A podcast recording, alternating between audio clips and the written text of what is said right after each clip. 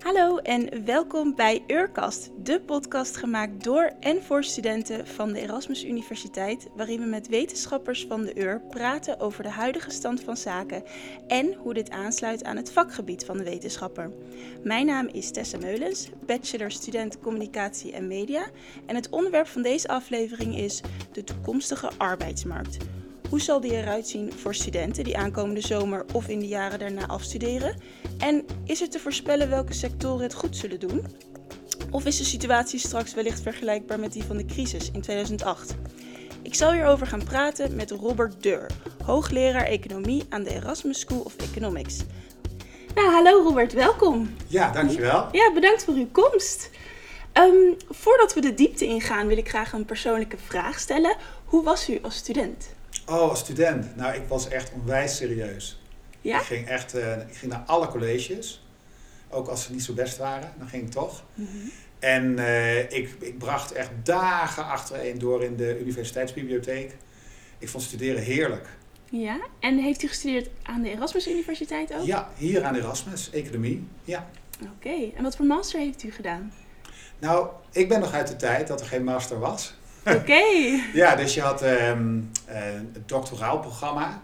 En dat werd voorafgegaan door de propenduizen. Daar kreeg je ook echt een diploma voor. Dat was zeg maar je eerste jaar. Uh, dat was de propenduizen. Dan kreeg je een, ook een echt diploma. En daarna ging je doctoraalfase in. En dat duurde dan drie jaar. Dus alles bij elkaar was de studie vier jaar. Okay. Um, dat is dus hetzelfde zoals dan nu met de bachelor-master. Maar uh, anders ja. gestructureerd. Ja, ja. Oké. Okay. Nou, leuk. Uh, dan gaan we door naar het volgende onderwerp: de toekomstige arbeidsmarkt. Want de coronacrisis die heeft uh, wel impact gehad op de economie. Uh, er is minder werk en bedrijven kunnen daardoor wellicht zijn wat voorzichtiger met het aannemen van nieuwe werknemers. Um, hoe denkt u dat de toekomstige arbeidsmarkt voor studenten die de komende zomer of de jaren daarop afstuderen zal zijn? Ja, nou, dat is best moeilijk om te voorspellen. Uh, wat we in ieder geval wel kunnen natuurlijk is kijken naar hoe de situatie nu is. En uh, die situatie die, uh, ja, gaat wel hard achteruit. dus je ziet de werkloosheid zie je toenemen, behoorlijk sterk toenemen. En dan met name zie je hem toenemen onder de jonge mensen. En de ja, hoger opgeleide jonge mensen zijn daar geen uitzondering op. Ook daar zie je de werkloosheid toenemen. Dus er is ja, zwaar weer.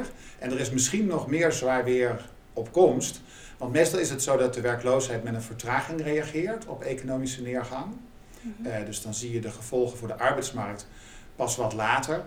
Nou is het wel zo hè, dat de crisis waar we nu in zitten, dat is natuurlijk niet een normale crisis. Hè. Dus die is veroorzaakt door het coronavirus. Ja. En wat we natuurlijk allemaal hopen is dat we hè, na die snelle neergang ook weer heel snel omhoog zullen uh, gaan. Um, of dat zal gebeuren, ja, dat is heel moeilijk te uh, voorspellen, maar wel ook heel belangrijk natuurlijk voor hoe straks de arbeidsmarkt in de zomer en daarna uh, ook voor uh, jonge afgestudeerden eruit ziet. Ja, want u zei het is niet echt te voorspellen, maar zijn er bepaalde sectoren die het wel beter doen en andere wat minder? Weet u daar iets over? Ja, ik heb het ook even opgezocht, want het, het UWV, die, dat is de organisatie die mensen die werkloos uh, uh, raken probeert te helpen om een, baan te vinden. Die hebben daar recent ook een, een, publicatie over geschreven. Um, en um, ja, bijvoorbeeld hebben ze een overzichtje gemaakt van, van banen die dan sinds de coronacrisis is uitgebroken, um, ja, duidelijk minder in trek zijn. Um, en dan heb je het natuurlijk over uh, de horeca en de detailhandel uh, en, en dat soort dingen die we allemaal wel kunnen bedenken. Maar als het wat meer toegespitst is op de, um, ja, op de toekomstige afgestudeerden en dan vooral ook aan de richtingen die we hier aan Erasmus hebben, Ja. dan valt onder andere op dat uh, op het gebied van um, communicatie, marketing, dat daar wel een sterke neergang te zien is in de arbeidsmarkt.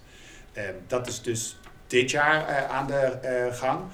Uh, tegelijkertijd is het ook zo dat een aantal studierichtingen natuurlijk sowieso al niet zo heel florisant ervoor stonden hè, wat betreft arbeidsmarktperspectieven. Uh, en dat is ook niet beter geworden. Um, tegelijkertijd, hè, we moeten ook niet te veel somberen, want we komen van een uh, situatie waarin de arbeidsmarkt er wel heel erg goed voor stond. Hè, de werkloosheid was echt wel heel erg laag. Mm -hmm. Zo 2, 3 procent voor jonge, hoogopgeleiden. Oh, dat is niet veel. Um, dat is echt heel erg laag. Hè? Ja. Dus ja, je vertrekt vanuit een gunstige positie. Maar dat het nu duidelijk minder goed ervoor staat, dat is ook echt wel duidelijk. Ik zie dat zelf ook bij de studenten die ik bij scripties begeleid. Dat ze toch echt wel moeilijker hebben om aan een baan te komen. Terwijl ja, voor een jaar geleden of zo, dan ging dat eigenlijk heel vlotjes. Ja, want hoe kan het dat dan juist de communicatiesector het zo slecht doet? Um, ja, dat, dat weet ik niet zo goed. Ja. Um, je zou denken dat in deze tijden communicatie ook wel heel belangrijk ja. is. Um, ja, misschien is dit toch ook wel een van de dingen die organisaties als eerste ook aangrijpen om op te bezuinigen. Dat ze kijken van, uh, ja, onder de streep ziet het er slecht uit. Mm -hmm. Waar kunnen we nu, zonder dat we zeg maar de kernprocessen aantasten, uh, op bezuinigen? En dan zijn dat soort dingen misschien toch het eerste wat, uh, wat sneuvelt in zulke moeilijke tijden. Oké, okay, ja. Oké. Okay. Um, ja, door de huidige situatie kunnen jongeren zich dus onzeker gaan voelen. Als het gaat om het zoeken naar een, een vaste baan, vooral startende uh, jongeren die uh, dus over een jaar of uh, nu afstuderen, is het normaal dat zij zich onzeker kunnen voelen hierover? Ja, zeker. Dus kijk, ik denk hè, dat eigenlijk iedereen zich behoorlijk onzeker heeft gevoeld de afgelopen, ja, wat is het, acht, negen maanden. Ja. Hè, want het is natuurlijk, we maken nu iets mee dat zo nieuw is en ook, ja gevaar heel dichtbij brengt, zeg maar, hè, uh, voor heel veel mensen. Ja. Dus die onzekerheid die kan ik heel erg goed begrijpen. En dat komt dan voor jonge mensen die uh, al dicht op de arbeidsmarkt zitten, zeg maar, die eigenlijk van plan waren om, om, om dit jaar of volgend jaar af te studeren, komt daar ook nog de onzekerheid over de perspectieven op een baan bij. Dus het zijn hele onzekere tijden. En ik snap heel goed dat mensen zich onzeker voelen. Nou, nou hoop ik hè, dat mensen niet lam geslagen worden door de onzekerheid. Hè, en dat ze toch dat ze niet bij de pakken neer gaan zitten, maar ja, toch proberen om het heft in handen te nemen, ook in deze moeilijke tijden. Hè? Ja, want is er nog iets wat u kunt meegeven aan deze uh, jonge studenten? Ja, wat ik zou doen hè, is. Um, uh, ik zou me denk ik, uh, ik zou, ik zou me ten eerste goed informeren over um, hoe ziet de arbeidsmarkt eruit en hoe ziet die er naar verwachting in de komende jaren uh, uit. Want sommige uh, afstudeerrichtingen bieden betere perspectieven dan uh, andere. Nou, als je al helemaal aan het einde van je studie bent, ja, dan heeft dat natuurlijk niet zo heel veel zin. Maar heel veel studenten die, hè, die staan op het punt om bijvoorbeeld een major te kiezen of een master te kiezen. Hè, um, dat geldt onder andere ook voor jou, toch? Dat je ja, je master nog moet kiezen. Ja. En um, ja, dan zou ik, ik zou me niet helemaal laten leiden door arbeidsmarktperspectieven, maar misschien wel een beetje meer dan, uh, dan anders.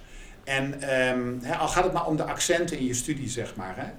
Uh, en uh, dus dat zou ik denk ik doen.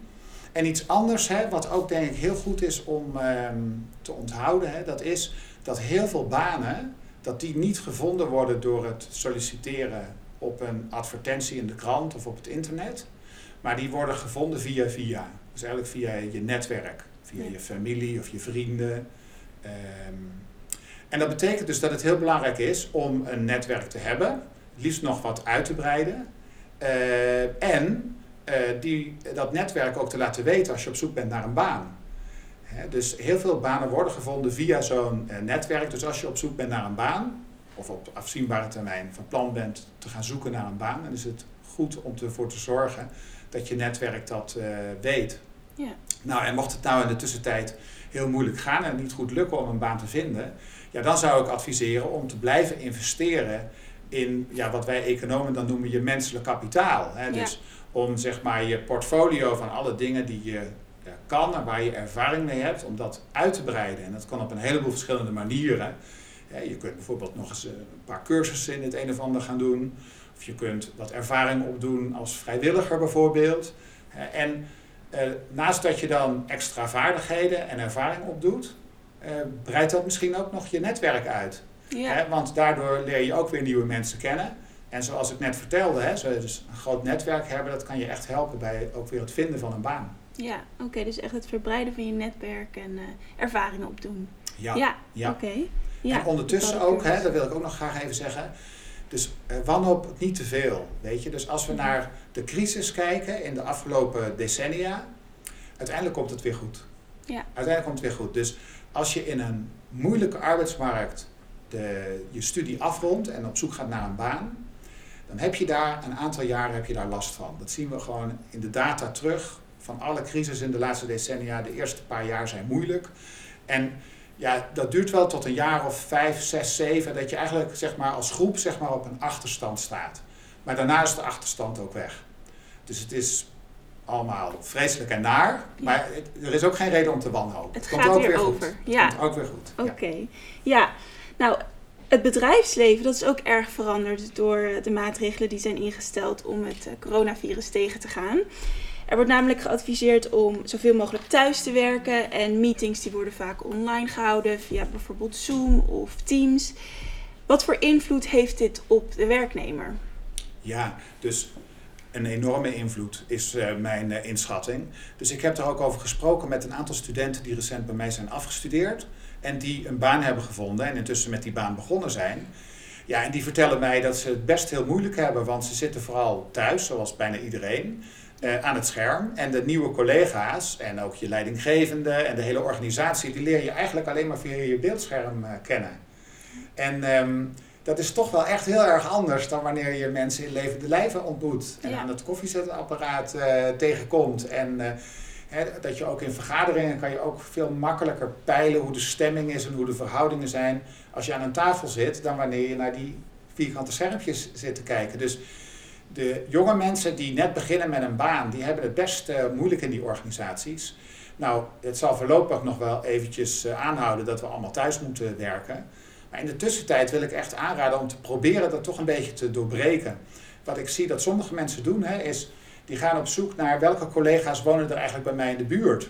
Okay. En kan ik daar misschien eens een afspraak mee maken om eh, een half uurtje of een uurtje te gaan wandelen in een park om wat te bespreken. In plaats van weer een meeting via Zoom of Teams of nou ja, welk medium dan ook. Ja. En dus zo kun je dat een klein beetje uh, doorbreken. En um, ja, sommige uh, jonge mensen die nemen zelf dat initiatief, maar ik zou ook organisaties willen oproepen om uh, dat soort initiatieven te nemen, zodat de, ja, de nieuwe medewerkers zich sneller thuis voelen en sneller ook een weg in de organisatie weten te, te vinden. Ja, is er nog iets wat u kunt meegeven? Hoe kunnen deze mensen er het beste mee omgaan?